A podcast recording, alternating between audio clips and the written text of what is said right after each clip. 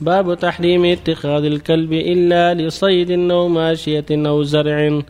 عن ابن عمر رضي الله عنهما قال سمعت رسول الله صلى الله عليه وسلم يقول من اقتنى كلبا إلا كلب صيد أو ماشية فإنه ينقص من ندره كل يوم قيراطان. متفق عليه. وفي رواية قيراط وعن أبي هريرة رضي الله عنه قال قال رسول الله صلى الله عليه وسلم من أمسك كلبا فإنه ينقص من عمله كل يوم قيراط إلا كلب حرث أو ماشية. متفق عليه.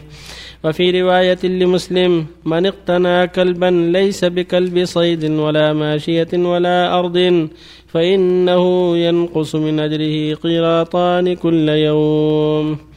باب كراهية تعليق الجرس في البعير وغيره من الدواب وكراهية استصحاب الكلب والجرس في السفر.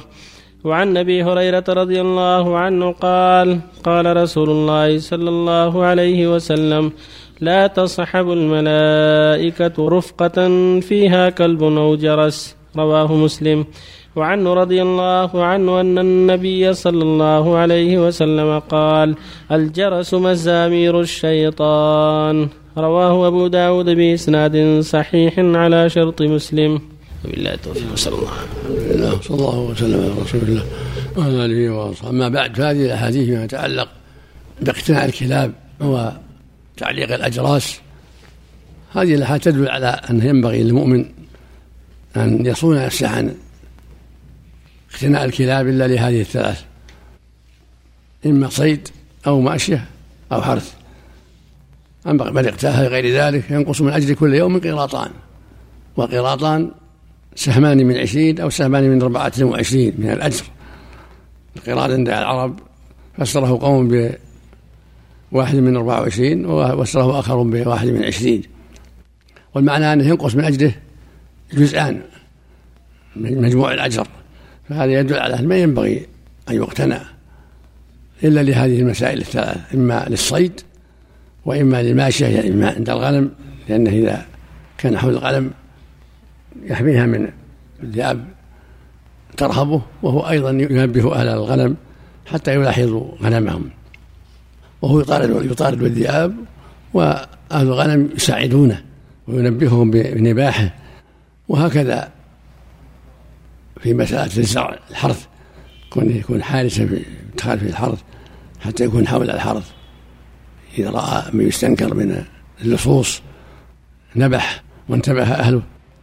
أما اقتناءه لغير ذلك فلا يجوز.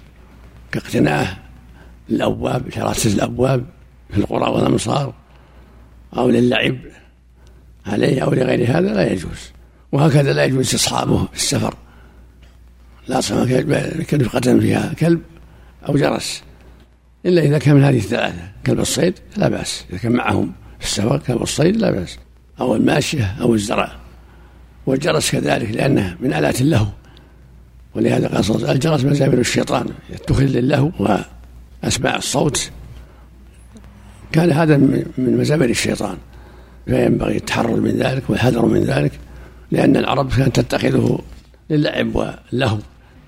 أما إذا كان مثل ما قد يقع في التنبيه لأهل البيت أو للتلفون هذا ما ليس من لا, ليس لا يتخذ للعب واللهو إنما هو للحاجة فليس من هذا الباب وإنما هو للتنبيه وفق الله الجميع. أحسن الله إليك بالنسبة للكلب الحراسة أحسن الله إليك للمنازل الكبيرة مثل القصور أحسن الله إليك. لا ما يصلح إلا لها ثلاثة بس.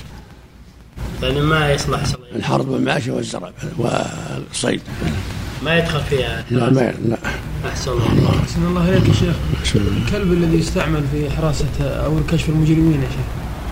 في بعض الكلاب تستخدم مثل ذلك يا شيخ. والله هذا محل نظر. أو هذا محل نظر. كلاب البوليس على ما قالوا هذه محل نظر. ظاهر الأحاديث منع أو ظاهر الأحاديث منعها وان يكتفى بالرجال. ما يوضع في بعض الأغنام. من الأجراس. يكون هذا يكون يمنع. يمنع. يحطونه في بعض الخراف يمشي قدام الغنم. هذا لا ما يصلح. تلحقه ما يصلح. ما يصلح. الآن هذا واد موجود في الرعاية كلها. اللي اللي يعلم هو يعلم. الدين النصيحه أقول الجن